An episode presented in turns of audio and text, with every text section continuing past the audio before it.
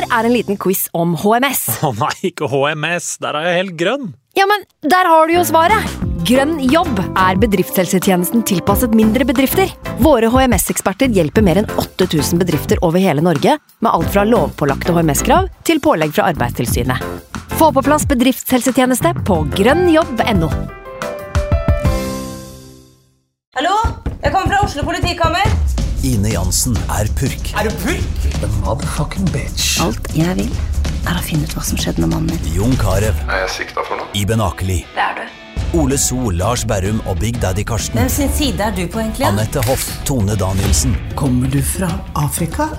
Jørnis Josef, Nesten. Kløfta. Trond Espen Seim, Det er synd å si det, men det var feil mann som døde. Purk. Premiere tirsdag på TV2 Play. Nå har vi starta. Fantasy. God evening.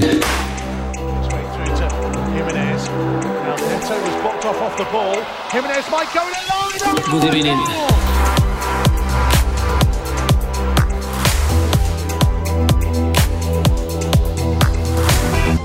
Hei, hei, og velkommen til en ny episode med Fantasyrådet. I dag så sitter jeg bare her med deg, Sondre, for han Simen kasta inn håndkleet on the eve of battle med sykdom. Med sykdom. Hei. Hei, Frank. Hei. Vi skal kose oss. Vi skal kose oss. Vi ønsker god bedring til Simen som har, uh, har migrene i dag. Eh, det er jo masse sykdom i desember. Sånn er det jo bare. Uh, vi skal spille inn en til episode rett etter denne episoden, Sondre. Og da blir det Ja. også bare meg og deg. For. Simen er fortsatt sjuk. Når denne episoden kommer på mandag 19., så slipper vi Gameweek-episoden på onsdag. Ish. Det kan vi godt. Gjør vi ikke det? Det Jo, godt. Det jo, vi jo, godt. Det vi gjør kanskje ja. Ja. Eh, Nå starter det, Franco. Nå er det i gang, altså. Ja, nå er det i Nå gang. i Gleder du deg? Ja, nå er jeg taggad. Ja, du er det. Jeg er taggad, Endelig. jeg er taggad, jeg er taggad. Ja, VM er ferdig og sånn. Bjørnen har fått hvile. Ja. VM er ferdig, nå er det Ja. Så du masse på VM? Um, jeg så sporadisk. Um, det, det beskriver på mange måter litt sånn interessen for VM, det som skjedde meg i går. For det var jo finale i går.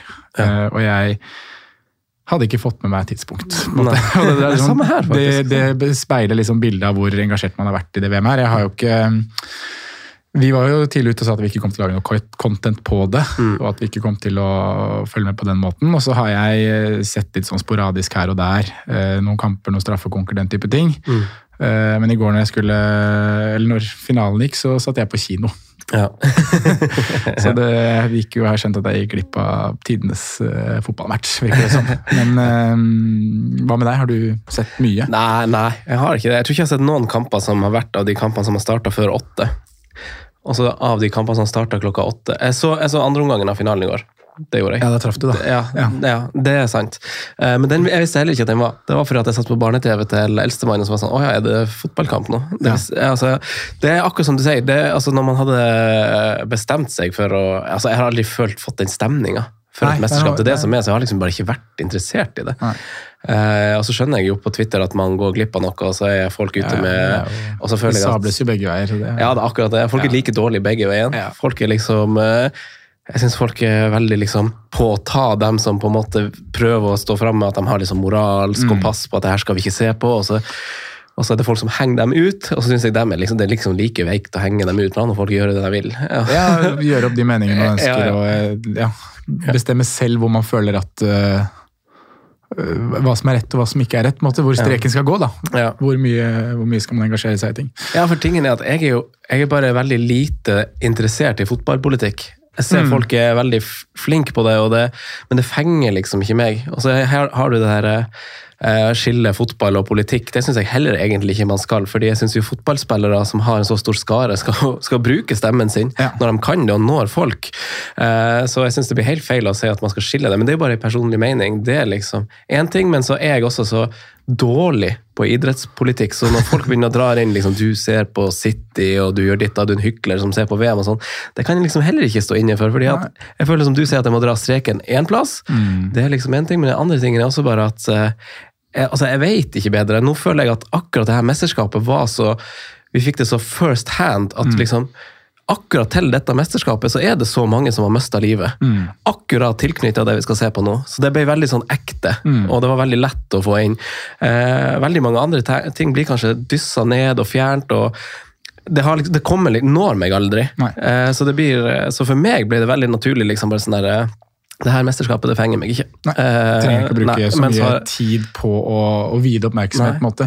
Men jeg, jeg må jo si at jeg syns jo Nå har jeg ikke sett mye på VM-sendingene, men jeg fikk med meg i hvert fall i forkant av Sendingene har faktisk, Jeg har sett på NRK sine sendinger Ja, var- på kvelden, for det koser jeg meg med. Ja, og det var det jeg skulle fram til NRK, da, for jeg, nå har jeg ikke fått sett så mye hvordan TV 2 har dekket det, men jeg, jeg så i hvert fall i forkant av mesterskapet, når NRK bygde opp, eh, bygde opp til VM med litt sånn dokufokus, da, hvor de dykka liksom inn i hva som egentlig har foregått, og fikk belyst de tingene som er viktige å belyse. og Det syns jeg var veldig veldig bra. Så, så Sånn sett syns jeg både NRK og sikkert TV 2 også har lyst det på en god måte. sånn sett. Ja, I er hvert fall det jeg så fra NRK. i- Du ville støtte Emil og Tete også. Fine folk i Fine NRK, folk. så gjorde en god jobb der. Veldig. synes jeg, Så det var...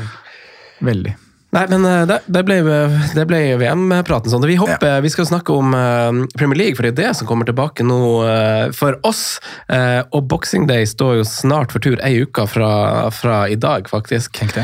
Så er vi der. Og nå er det jo på tide å begynne å sette drafts og tenke på det, tenker jeg. Mm. Ganske panikk som er rundt om i, i, i det Nor Norges land om akkurat en uke, Franco. Klokka er 11.22 nå. Oh, Oh, man. Oh, man, Oh, oh, man. man, oh, man. Eh, vi skal gå gjennom øver halvdel før vi spiller inn en Gameweek-episode til etterpå. Uh, Simen er jo ikke her, så akkurat liksom hans ansvarslag må vi jo bare uh, ta litt på sparket, da. Ja, vi, Eh, vi løser det. ja. Målet med denne episoden her er jo Vi hadde jo en i forrige uke som kom eh, om lagene på nedre halvdel, og, og målet er jo liksom å snakke litt eh, eh, om det har skjedd noen forandringer på trenersiden, spillertiden. Det har det ikke med så veldig mange av lagene vi skal gjennom nå. Eh, så er det å snakke litt om formen de hadde eh, første halvdel av sesongen, og programmene vi skal, de skal inn i nå. da. Så det er jo ikke noe dypdykk på spillere, og sånne ting, men sånn oversiktlig infobit, kan vi ikke kalle det det? Ja, det blir, vi gjør det til en oversiktlig infobit, sånn at vi kan ta dypdykke heller i de mest. Eh, ja, rett og slett. Eh, men vi kan starte med Brentford. da, Sondre. Eh, Det er jo et lag som, eh, som er på øvre halvdel nå, og som det på en måte har kommet fram litt nyheter i. Eh, kanskje i hvert fall kanskje rett eh, altså Mellom VM og avslutninga av Premier League så kom det fram litt nytt om Ivan Towney, i hvert fall. Ja. Ivan Tony, Lagets Tony, unnskyld. Ivan Tony. Ja. Lagets viktigste spiller, må man kunne, kunne si. Um, men ja, det har kommet fram litt nyheter. Men jeg, jeg prøvde liksom å søke litt rundt det nå inn i denne episoden. her, Frank, og det, det er jo ikke noe konkludert med noen ting der. Han er på en måte under etterforskning og har blitt, uh, blitt tatt for kampfiksing. Mm, betting. Eh, betting, eller Ja. kampfiksing blir feil å si, men betting på kamper han selv har vært involvert i. Eh, og det er jo en lang periode her har dreid seg om, helt fra 2016 tror jeg det var, fram til 2021. Uh, så leste jeg at han, og, eller han hadde vel en klagefrist på 25. november, og så fant jeg ikke noe sånn oppdatert info. Og han er jo ikke banna eller utestengt eller noen ting, så, så saken pågår sikkert. Og så får man eh, får man sikkert mer info om det når det skulle bli avklart nye ting. Da. Men så lenge så spiller jo Tony fotball for Brentford, og det er viktig. Mm. For han er, eh, han er både regissør og, og målskårer, og har uh, egentlig eh, stått for det meste av uh, målpoeng for et Brentford-lag som har imponert oss. Må jo kunne si det. Vi hadde jo tippa de relativt mye lenger ned på tabellen, vi. Vi var veldig spente på hvordan uh, tapet av Christian Eriksen skulle bli. En spiller som på mange måter redda det i fjor. De var inne i en, hadde en god start på fjorårssesongen, men så kom det en ordentlig dupp før Eriksen signerte, og de fikk sving på saken igjen inn på våren. Og Eriksen ga jo også Tony mer av det spillerommet vi prata på at han kanskje trengte. For, mm. han har jo vært han var, eh, alt mulig mann. Han skal ned og hente, regissere derfra i banen, han skal være i boksen når innleggene kommer. han skal han skal være på, på straffer, frispark, på alt. Eh, Fikk hvile litt når Eriksen kom inn. Mm. Så er jeg spent på hvordan blir det i år. Men det har fungert. Eh, Og de ligger, som du sier, på en, på en finfin tiendeplass. Eh, Så de er imponert. De har vært ekstremt gode på, på hjemmebane, som vi jo kanskje forventa at de skulle være. da. De har vel kun, eh, kun ett tap hjemme på, på de sju hjemmekampene de har spilt der. Eh, kun sluppet inn syv mål. Sliter dog med, å- skåre litt. Har 13, ja, 13 er for så vidt greit, men de har i hvert fall en veldig god eh, defensiv eh, form hjemme. Og så ser det veldig annerledes ut på bortebane. Mm. Kamper spilt, 1-4-3. Eh, sluppet inn 18, så er vel fem av de, da, om jeg ikke husker feil, mot Newcastle i bortekamp der. Eh, ja. Så spørs det jo hvor mye man skal legge i, i form når man kommer eh, etter en så lang pause. Og det blir kanskje en prat vi må, må ta Sondre. Men jeg ser jo altså Brentford sånn offensivt, og hjemmeformen er liksom én ting, men underliggende tall offensivt er ganske bra hos Brentford. Altså, I hvert fall hvis du ser på Fantasy Football Scout sine, sine hjemmesider på store sjanser skapt, så er det jo bare City og Liverpool som har skapt flere. Og så kommer dem, og så Arsenal og United. Så, så de skaper ting, men det er klart de de mister jo masse ved å miste, miste Tony, om de gjør det. Ja, om de Eh, gjør det, så er det jo egentlig krise, tenker jeg. Ja, For da, jeg da, da har du Han har ti skåringer og to assist. Mm. eh, Står bak veldig mye. Er et uh, uromoment på alle måter, og, og en, en spiller som alle forsvarere må forholde seg til, da, som skaper rom for MBM og, og de andre gutta. Så Mm. det blir kritisk hvis det skjer. Mm. Så ser man jo at de har, hvis vi snakker litt program, da, så syns jeg de har en veldig tøff start på på, eh, eller fra Boxing Day og de tre neste kampene der, med Mm. Tottenham hjemme, Westham borte og Liverpool hjemme. Det er jo tre tøffe kamper før det blir en trerekkers fra, fra Gameweek 20 som er veldig fin igjen. Mm. Så man får kanskje henta litt info, så om Tony blir, eh, blir frikjent, så er han kanskje i gang og inn på laget igjen i runde 20, 14. januar.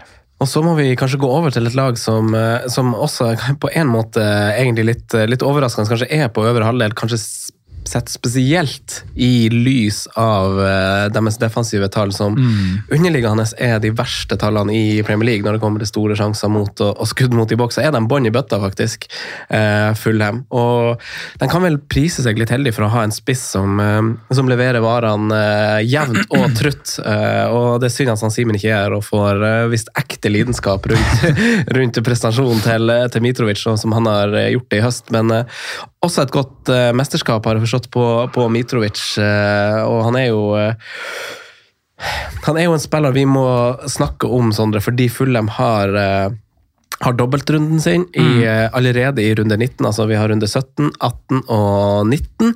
Og så har de grei, dårlige defensive tall. Det er liksom, det, det er greit nok, men de har også to fine kamper i, i forkant av uh, dobbeltrunden sin. Faktisk så er Crystal Palace overraskende dårlig svake tall. Eh, så det er en fin kamp for Mitrovic og offensive spillere i Fulham. Uh, det er jo også i London, som er en kjekk ting nå når vi skal inn i, i juleprogrammet, at de har den. Og så er det Southampton hjemme, og så en dobbeltrunde. Ja. Eh, Så, så det, det, jeg føler at Fulham er et større tema, for det er straks et mer aktuelt lag å Absolutt. snakke om Absolutt. eh, på, i, i neste episode. Mm. Eh, men eh, sesongen deres hittil, har du noe du, du, du tenker dem å Nei, vi, vi må jo bare si at vi er veldig veldig imponert. da. Ja. Vi tippa de på 19.-plass. De ligger på, på 9.-plass. Uh, truffet veldig bra på signeringer òg, da. For Mitrovic kom jo med opp fra championship, og han visste jo på en måte at han hadde, han hadde mål i seg. Men eh, henter en Leno som har vært veldig, veldig god. Uh, En Diop har kommet inn og gjort eh, sakene sine ganske bra de siste par kampene. Um, for ikke nevne eller glemme han uh, Palfinia, som vi valgte å ta ut på, på årets lag så langt, også Franco.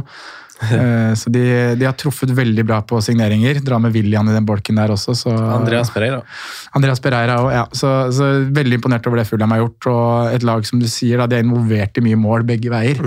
Og sånn sett et eh, spennende fantasy-lag med både Pereira og Mitrovic. Og kanskje vi kan grave fram flere, men jeg tror jo, tror jo det er der vi er. Og så, så holder det kanskje med to fra Fulham mm. når vi skal starte opp med et veldig fint program, som du sier.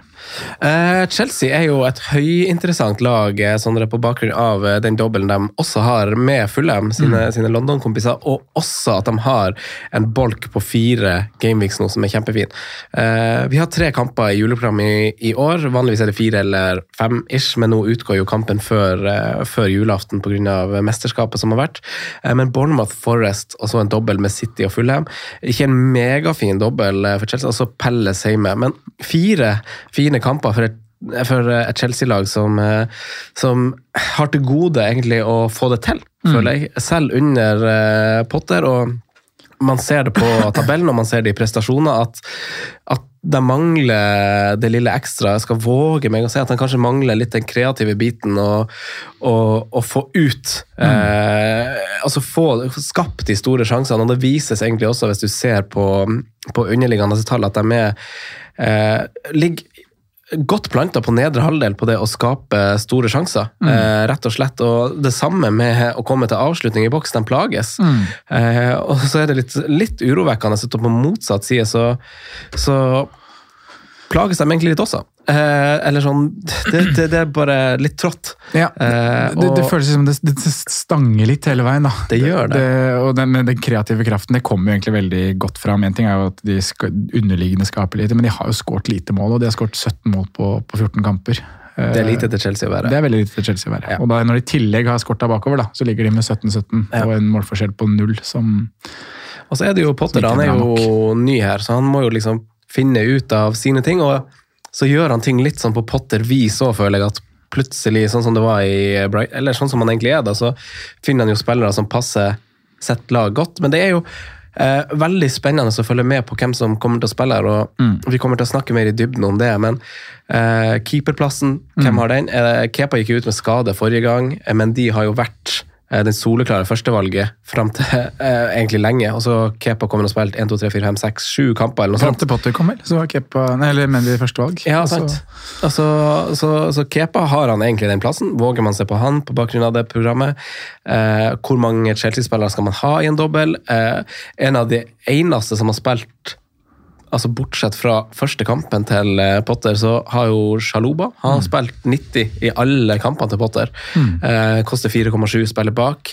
Eh, Kukurea, vi har eh, Chilwell som er skada, Fofana muligens skada. Reece James sa ut til meg før innspillinga at jeg er tilbake og skårer mål på trening. så plutselig er det noen budsjettløsninger bak som kan løse en del for oss. Eh, Mount er vel det sikreste kortet på midten. Stirling er det usikkerhet rundt. Men hvem andre spiller? Siek var ganske lenge og spilte for Marokko. Eh, Kanté er ute. Eh, Aubameyang er eh, vanskelig å forholde seg til, men igjen, eh, Broha er jo skada. Eh, han har ikke flagga på spillet ennå, men han er det. Mm. Eh, Kai Havertz har ikke vært en populær mann eh, hos Potter. Så det er litt det, er, det, her er litt spennende, men det er også vanskelig fordi det er Potter som sitter i Chelsea, og velger hvem som skal hvem du skal ha da, eh, det gjør, egentlig at du har ganske få valg. Mm. Og, og sikte på at kanskje Aubameyang har et høyt tak, kanskje Havert satser på at han spiller, det kan være litt skummelt. Mm. Kanskje man må bare ta de Loftus Cheek også spiller jo. Og, så det, det er litt sånn uh, Nei, jeg gleder meg Gallagher har det der ja. som også skal spille. Så. Så... så. det oppsummerer på en måte fint hvor vi står hen i Chelsea-landskapet når du drar gjennom alle de navnene her, og så klarer du ikke å peke på Bortsett fra Mount, da, så klarer man liksom ikke å peke på én spiller som her er vi trygge på at han skal spille fra start hver eneste Ikke engang på keeperplass. Ikke engang på keeperplass. Men uh, programmet da, som du dro gjennom innledningsvis der, er jo, er jo av det penere slaget. Når de har, de har uh, Fem matcher på de fire første rundene. Mm. Eh, så er jo dobbelen en, en City-kamp i tillegg til Fulham. Da, så det, Nei, men det er fint. Totalen er så fin. Du, ja. du, har lyst til å involvere det. Og jeg må jo si at Reece James, uh, når han vises uh, spilleklar og frisk på diverse videoer, så blir man jo alltid frista over dit. Ja. Spesielt når han har gått ned til fem åtte, vel. Fem-åtte, ja. ja. Der kan du se. Eh, har du lyst til å ta Brighton på vegne av han eh, Simen, eller ta den fra hofta? Ja, vi kan godt gjøre det. Mm. Eh, da må jeg bare komme meg inn på Brighton her på, på Transformark for å få helt oversikt over hvor de ligger. For de ligger på sjuendeplass. Ja, det blir bra, eh, nybakt verdensmester som, eh, som vel ikke kommer tilbake til matchen mot Charlton nå som de har har i midtuka. De har vel en, eh, en kamp på onsdag i FA-cupens fjerde runde. Mm. Vi tror vel ikke at McAllister vinner den. Nei, spiller den. Ja. Um, men Brighton er jo et uh, lag som, som Fulham har imponert oss stort, og tar jo liksom ytterligere steg fra Vi tenker at i fjor så maksa de maksa de potensialet sitt med plasseringa si. Hvor mye kan man få trylla ut av det Brighton-laget her? du starter igjen sesongen på, på glitrende vis, og så blir han hentet av Chelsea. Mm. Eh, hva skjer nå? Eh, hvordan blir det med trenerskiftet? Er det treneren som har vært unik her og fått maksimalt ut av gruppa, eller, eller kan, kan de Serbi få ut det samme? Eh, starten vært veldig, veldig god. Trøbla jo litt fordi han kom inn i et program som var mm. ganske tøft. Så resultatene gikk hele veien i starten? Nei, men, men ja. likevel altså, hadde han vel en åpningsmatch på Anfield hvor han spiller 3-3 mot Liverpool. Mm. Hadde vel både Tottenham, Chelsea og City i løpet av de første fem matchene. Uh, og høvla jo over Chelsea på, mm. på hjemmebane, blant annet. Så, så spillmessig så har vi liksom sett et, et, Brighton som har bydd på mye av det samme. Det har vært uh, offensivt, det har vært uh, rom for at de kreative spillerne de har på, på siste tredjedel, skal få lov til å blomstre. så på den måten så er man jo på en måte imponert og trygge på at Brighton kan fortsette å være et lag som som skal bite godt fra seg, da.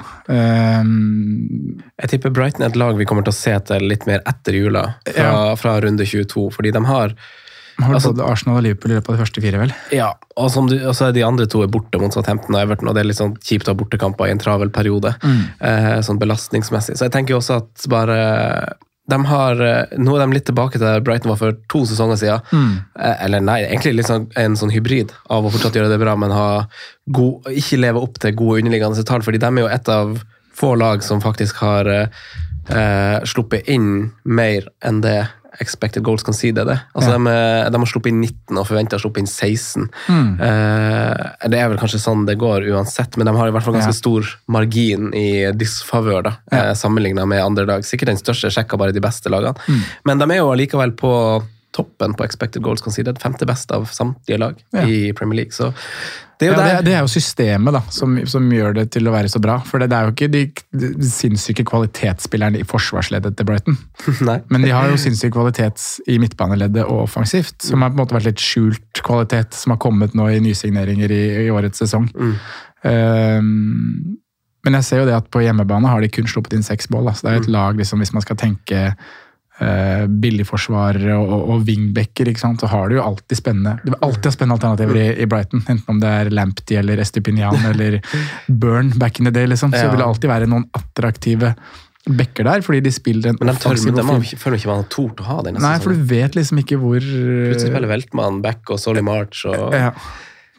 Det, så, så, så ender man på dunk, da. Eller, dunk. eller Webster. The safety card.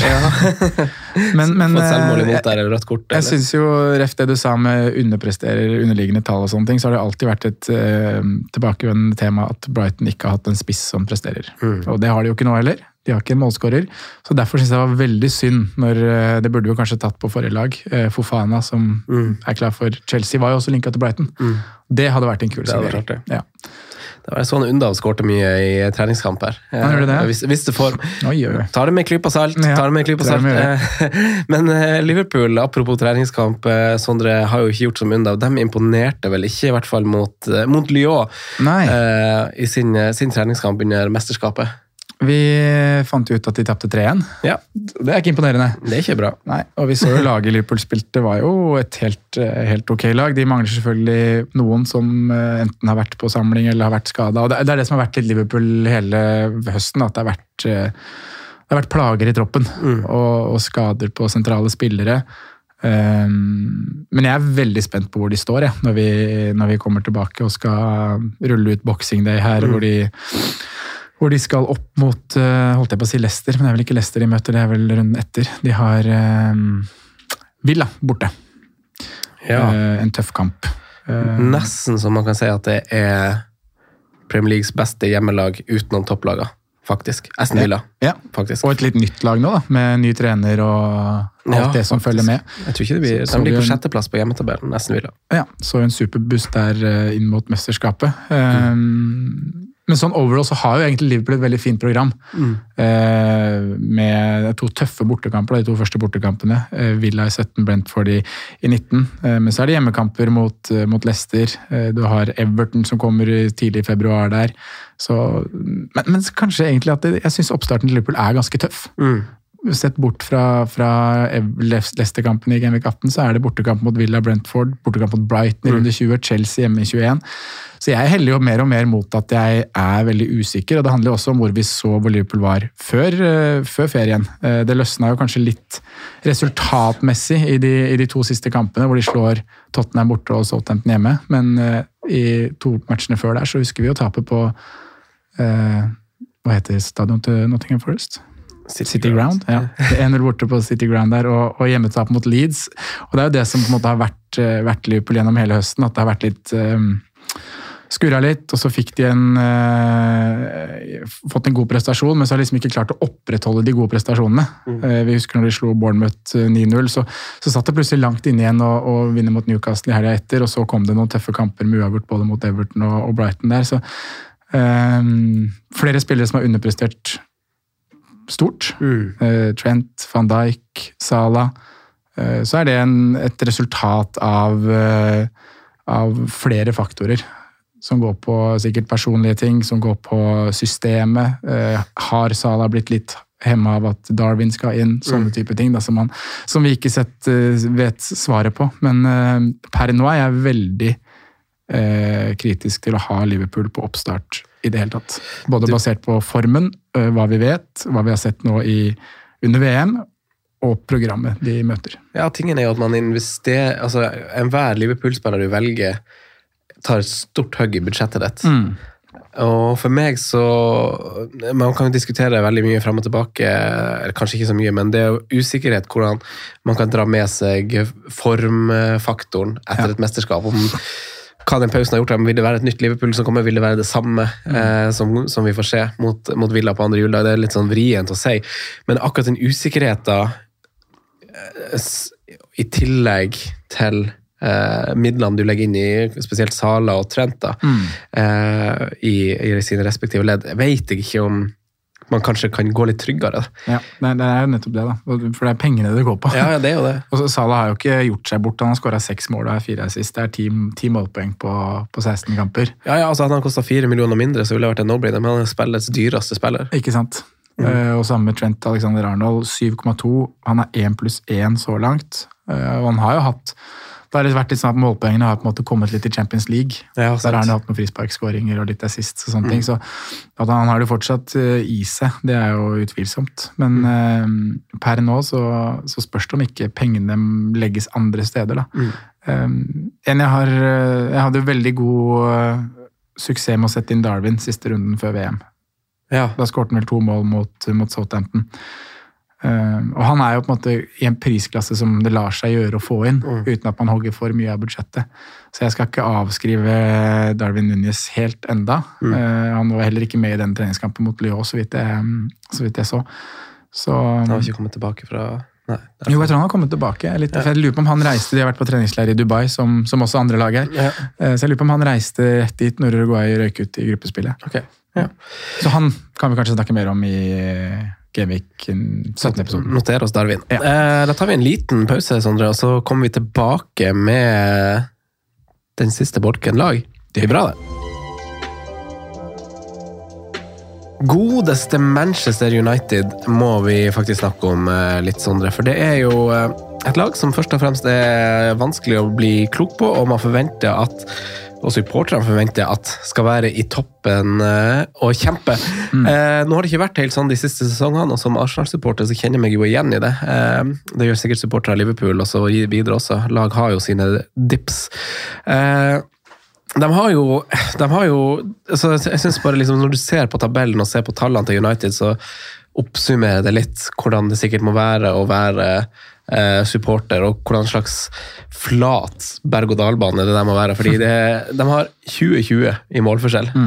Ligger ligger på femteplass. Null i eh, differanse. 26 poeng. Eh, så det er jo et rart lag å, å forholde seg til eh, sånn, sånn fra et fantasy-perspektiv, men det er et lag som eh, vi kommer til å være veldig interessert i i eh, tida som kommer nå, Sondre, fordi de har eh, ganske fine kamper. Eh, jeg og du har spillere av deg, eller jeg har to, du har én, tror jeg. Ja, jeg har to og én òg, faktisk. Jeg Ja, du- ja, ja, litt. ja. Men ja, du avslutta med både Dalot og Rashford. Ja, jeg kjøpte jo Dalot til 4,5, så det er jo på en måte et av få gode bytter jeg har, jeg har det. Men, eh, men, eh, Noter de få du har, det er viktig det. Ja, men eh, det er et lag vi må vie ganske mye tid til i, i Gameweek-episoden om Boxing Day og, Mm. og med de frie byttene vi sitter med, fordi de har eh, fine kamper nå, og jeg syns med rette man kan se til United, fordi at de er på et fint budsjett. Mm. Eh, en del spillere du kan hente der, og ikke minst så, så er Cristiano Ronaldo ute av bildet. Eh, vi husker hvordan Bruno Fernandes leverte før han i det hele tatt kom, og jeg tror det virker nesten som folk har glemt det, glemt det litt av. Og, og sånn som det ser ut nå, sånn rent statsmessig, så er det jo ingen spillere Bortsett fra De Bruyne, selvfølgelig, som er overlegen i, i den stetten å skape store sjanser, så er jo Bruno Fernandes nummer to i hele Premier League. og jeg syns allerede man har sett glimt av det, at, eh, at det her kan bli bra. Så spørs det jo hvem som spiller på topp, da, med, med Martial, som liksom ikke blir venn med kroppen sin, først og fremst. Eh, For han var jo veldig spennende for folk på, på tampen der. Mm. Så om han blir der Vi har Rashford, vi har Sancho som er spennende, vi har Anthony. Eh, det er spennende spillere å, å sikte til. Kanskje Pelestri skal begynne å spille litt, siden han har vært så god i, eller siden han spilte masse i, i mesterskapet. Eh, Dalot syns jeg egentlig taler for seg. Man kan eh, ta et lite dykk i underliggende tall, og så, så skjønner man hvorfor.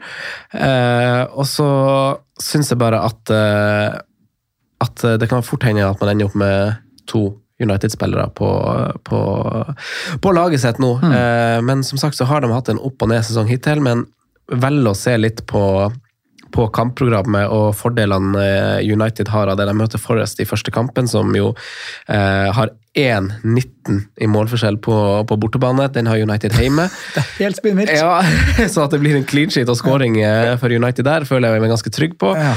Wolverhampton borte i runde 18, veldig vanskelig med Nathan Jones og, og ny trener, og Wolverhampton som først og fremst egentlig er god hjemme, så det blir kanskje en lavskårende kamp. Skårer ikke mål.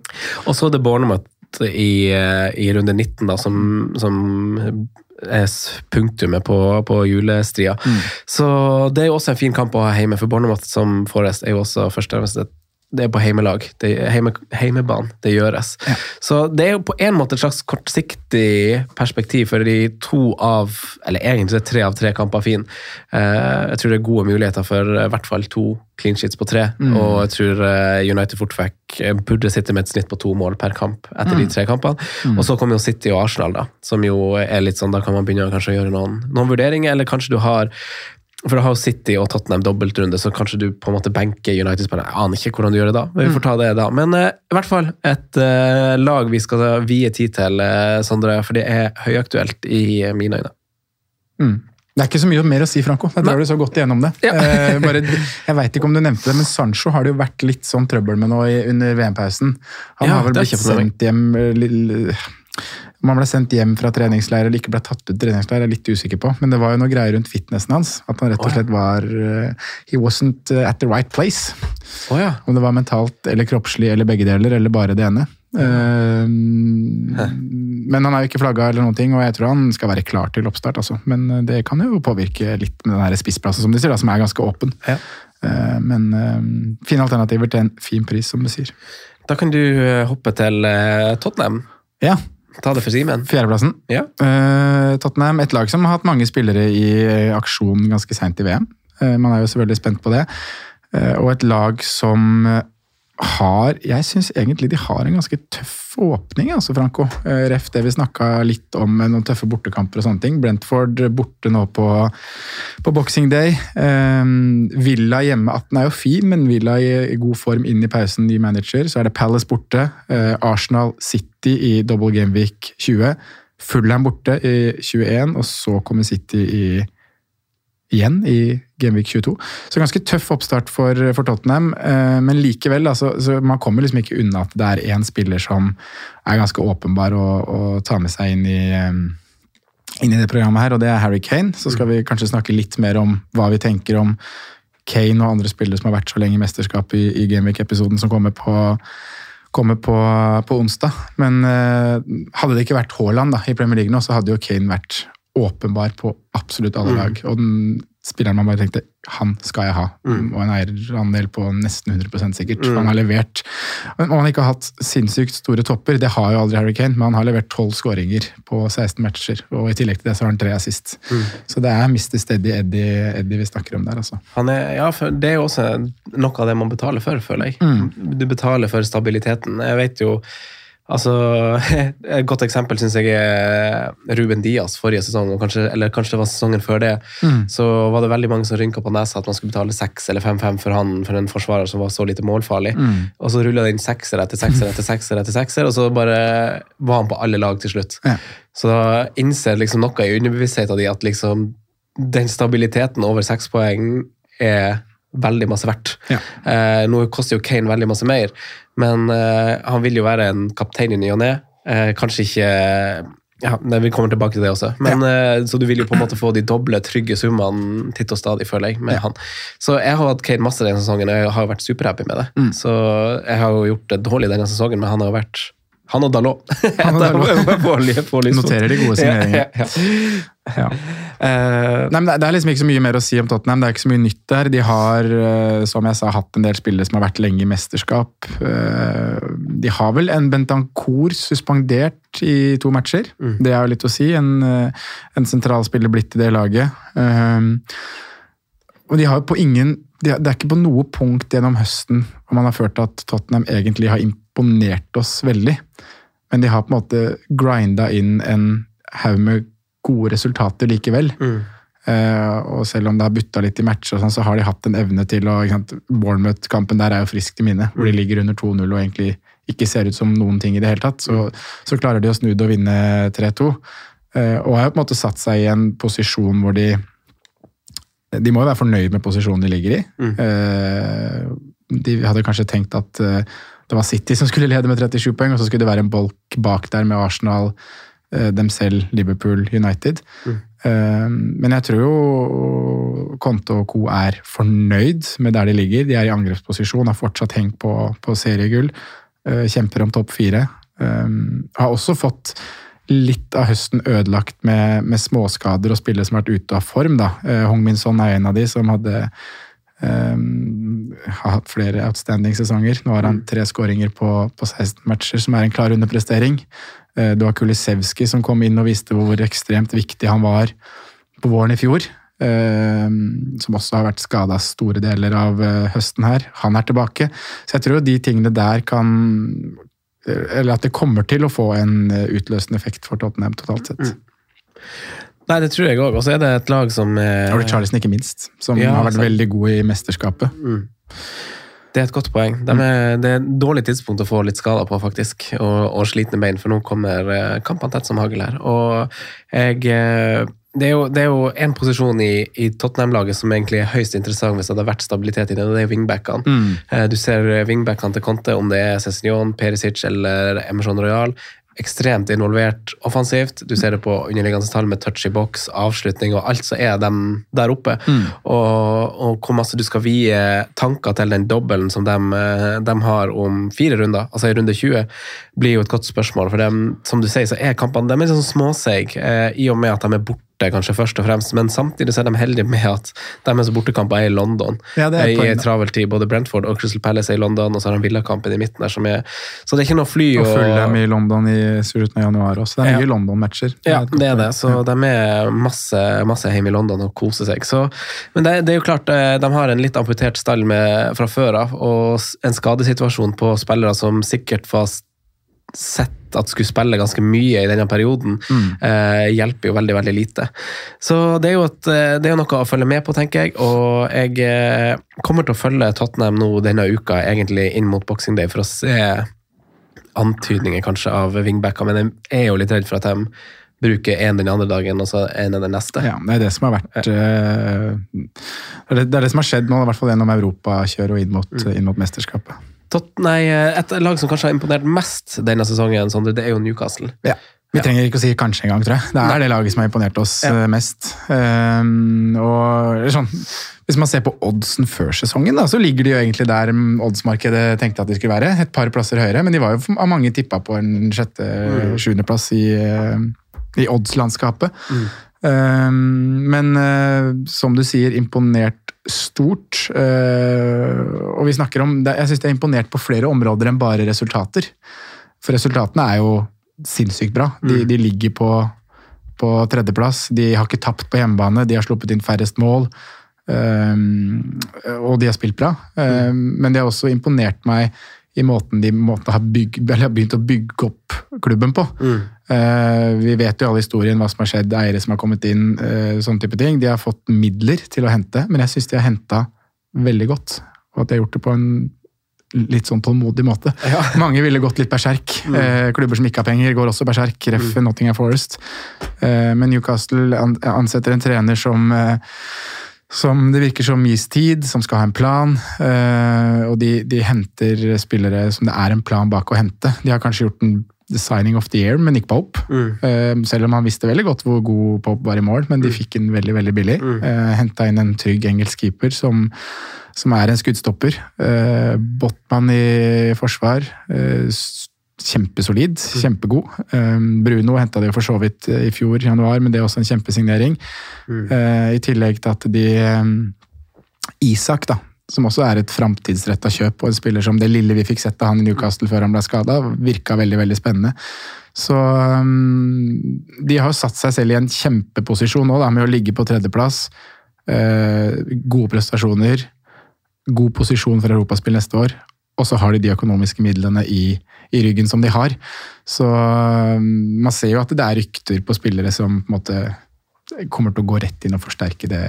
Så Marcus, Marcus Turam for eksempel, var linka til Newcastle nå. Ja. Får man han liksom, var kjempespiller som går inn og forsterker det laget der.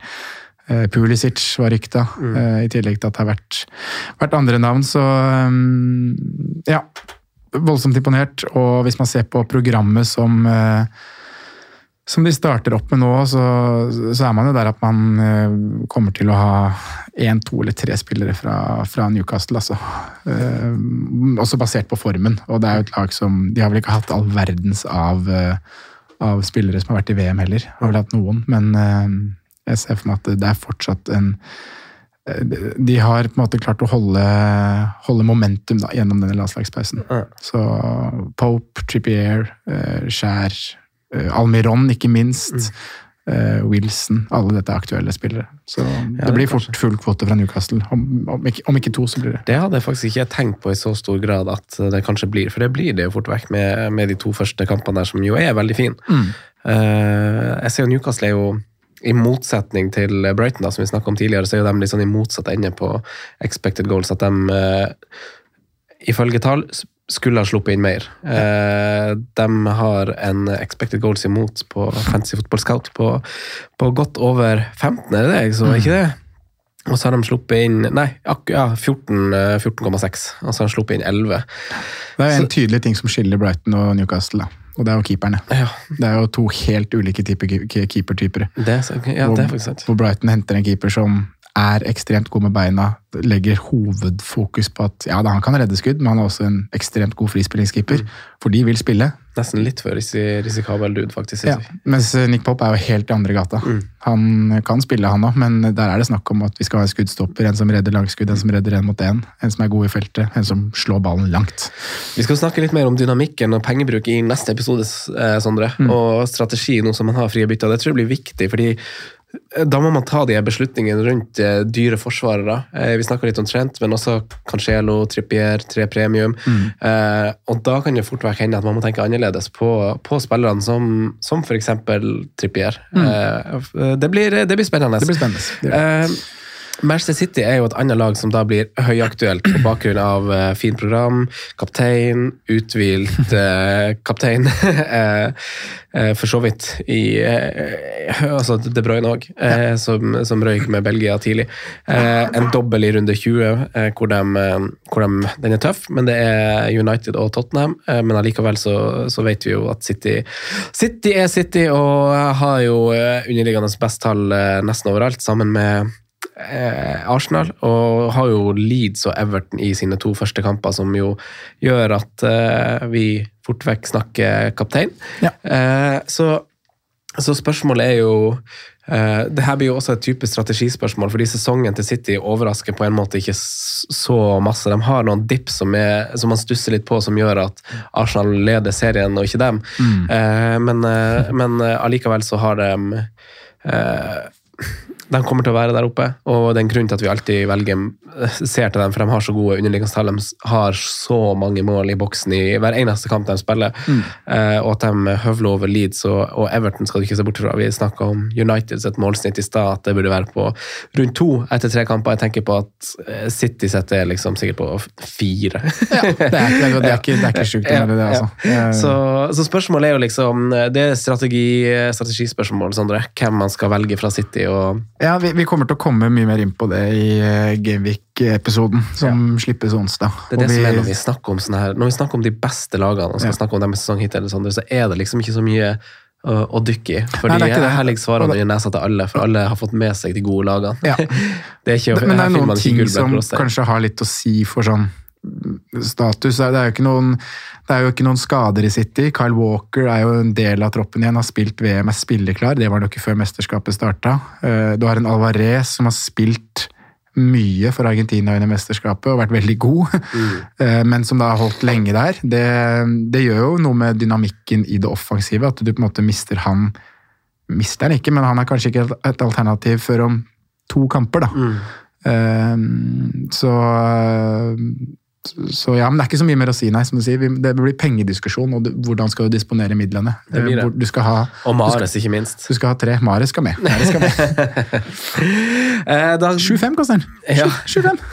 Da går vi videre til, eh, til Arsenal, eh, som jo leder serien nå, til min store fornøyelse. Hey. Uh, yeah, det er gøy, det er gøy. Uh, og folk uh, ser i Arsenal-forum med en gang Jesus fikk skaden i mesterskapet, som, som det er kommet lite sånn konkret nytt rundt, men han har operert kneet sitt, og det er jo sjelden et, et, godt tegn, men det er jo ikke snakk om noe korsbånd. hvis du vite det. Men det mest konkrete som har kommet, er liksom sidelined for three months, eller? Ja, men det, det er også bare Det er bare kvalifisert gjetning, ja, okay. egentlig. Det er, ikke, det er, ikke, Arsenal som har gått ut med det. Nei, ok. Eh, så, Journalister? Ja, egentlig. Basert på den skaden man antar at han har, og det han har gjort. Eh, men det har vært Det spiller på en måte ingen rolle, for han skal du ikke ha nå, for han er ute i, i jula uansett. Eh, det blir et stort tap for Arsenal. Han har, En eh, ting er at han er i, i toppen av, eh, av, underliggende tall, og så kan man kanskje si at eh, han burde kanskje ha skåret mer, og det hadde man jo helt sikkert håpa på når, eh, eh, når han har skåret fem mål. og eh, ja, det, altså Ødegaard har skåret mer. så, så, så, man får jo lyst Altså, man Ja. Nei, du, du skjønner hvor du vil. At man håper kanskje mer. Og jeg tror jo spilleren som kommer inn i i, uh, i Nketia, uh, som sikkert Altså Hadde ikke Arsenal gjort det så bra, så hadde han spilt mer, tror ja. jeg. Eh, og det har vært veldig sånn never change a winning team for Arsenal sitt vedkommende at de har ikke hatt noen grunn til å endre på laget. Så, så det har vært samme elveren kamp inn, kamp ut. Og han signerte jo en ny kontrakt, og det er nok for øyeblikk som det her. Mm. en ting er at han spiller fast i Europa League og sånn, og jeg tror at La meg si det sånn, da, Jeg tror at hvis han hadde spilt like mange kamper som Jesus fra start i år, så hadde han skåret mer enn fem mål. Mm. Eh, enn Ketia. Men ja. Arsenal taper totalt sett, eh, totalt sett ja. som lag, så mister man masse i, i hold-up play som Jesus er, drible folk, uromoment, arbeid, press, you name it. Liksom alle andre ting, bortsett fra akkurat det å skåre mål. Mm. Uh, så Nketia, hvis han får riktig support Nå er kanskje Smith-Roe også tilbake, så en del av bredden er liksom tilbake. Martinelli mm. spilte ikke så masse i, i, i mesterskapet, heldigvis. Uh, Ødegaard åpenbart ikke. Uh, han var jo skada da, før, så det, vi må ja, følge litt opp. Men han, var, han, har vært og trent nå, så jeg er ikke så, jeg er ikke så redd for det. Ikke den siste kampen, han? Uh, jo, det gjorde han. Altså, ja, men han hadde en sånn cask etterpå, eller hva man kaller det etterpå. Ja. Men uh, Arsenal møter jo et Vi snakka om det i, uh, i nedre halvdel-episoden, sånn om hvor vanvittig dårlig Westham er på bortebane. Mm. selv om de har kanskje en oppadgående kurve som lag, Westham, så tror, den blir litt tøff, men Arsenal er soleklare favoritter. og så er det jo egentlig litt seige kamper, syns jeg, for Arsenal. men de har jo en dobbel på et senere tidspunkt, men er det såpass lenge til kanskje at man man ikke vurderer tre nå, men uh, jeg tror jeg kommer til å stå faktisk med Martinelli. Uh, ja, der har man jo litt verdi bundet opp på. Man har litt verdi, uh, og så pga. defensive tall så vil Arsenal defensivt være interessant for meg, men så må man gjøre en objektiv vurdering på om det er riktig tidspunkt. Ja. Ja, du, du, nevner det jo, men de fire etter Westham er ganske tøffe. Ja. ja Brighton borte, Newcastle hjemme, Tottenham borte og, og Manchester United hjemme. Ja.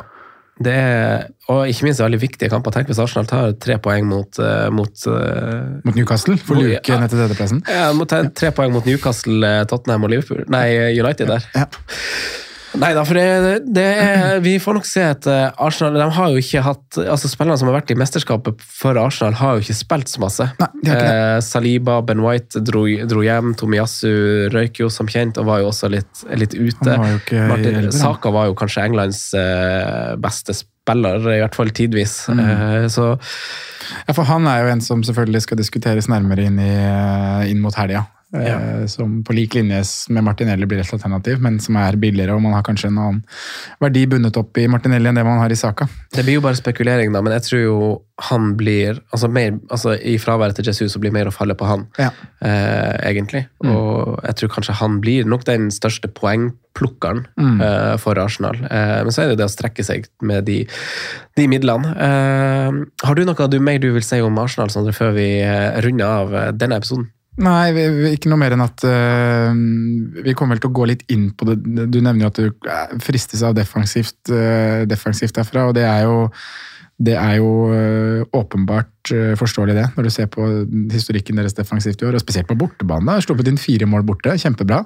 Vært knallbra. Arsenal har vært god borte. Ja, Eh, og det det. jeg, eh, altså, man liker jo ikke bortekamper, men Arsenal leder jo også de, har, de er jo i den bolken av lag som har flest, spilt, flest bortekamper. Mm. Eh, spilt åtte bortekamper. Ja. det er jo noen som har spilt sju, noen har til og med bare spilt seks. Så, så Arsenal har åtte bortekamper. Det er jeg jo fornøyd med at man har. Eh, har eh, City har f.eks. bare spilt seks bortekamper. Eh, jeg ser på det som et slags fortrinn. Ja, og de har, vært, de har vært på tøffe bortematcher òg. De har vært i Wolverhampton, de har, de har slått Chelsea borte. Mm. De er, et, det er vel eneste laget som har slått Brentford borte i den 3-0-seieren der. Ja. Eh, Vi husker åpningen mot Palace, hvor de egentlig ble ganske kjørt, men klarte å ri det inn. Og det har måte vært det som har vært forskjellen på Arsenal i år og fra i fjor. da, At de har klart å ri inn de her resultatene hvor de har blitt ganske trykka.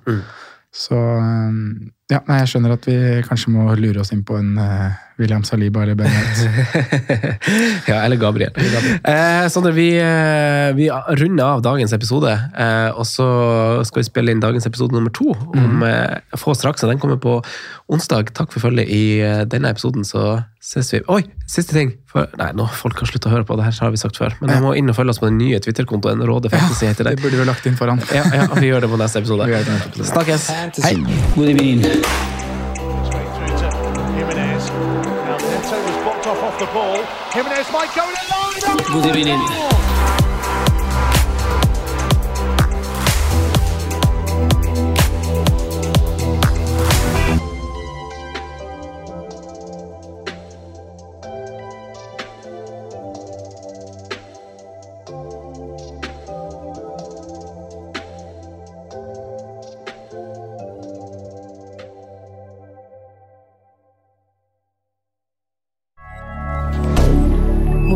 Media.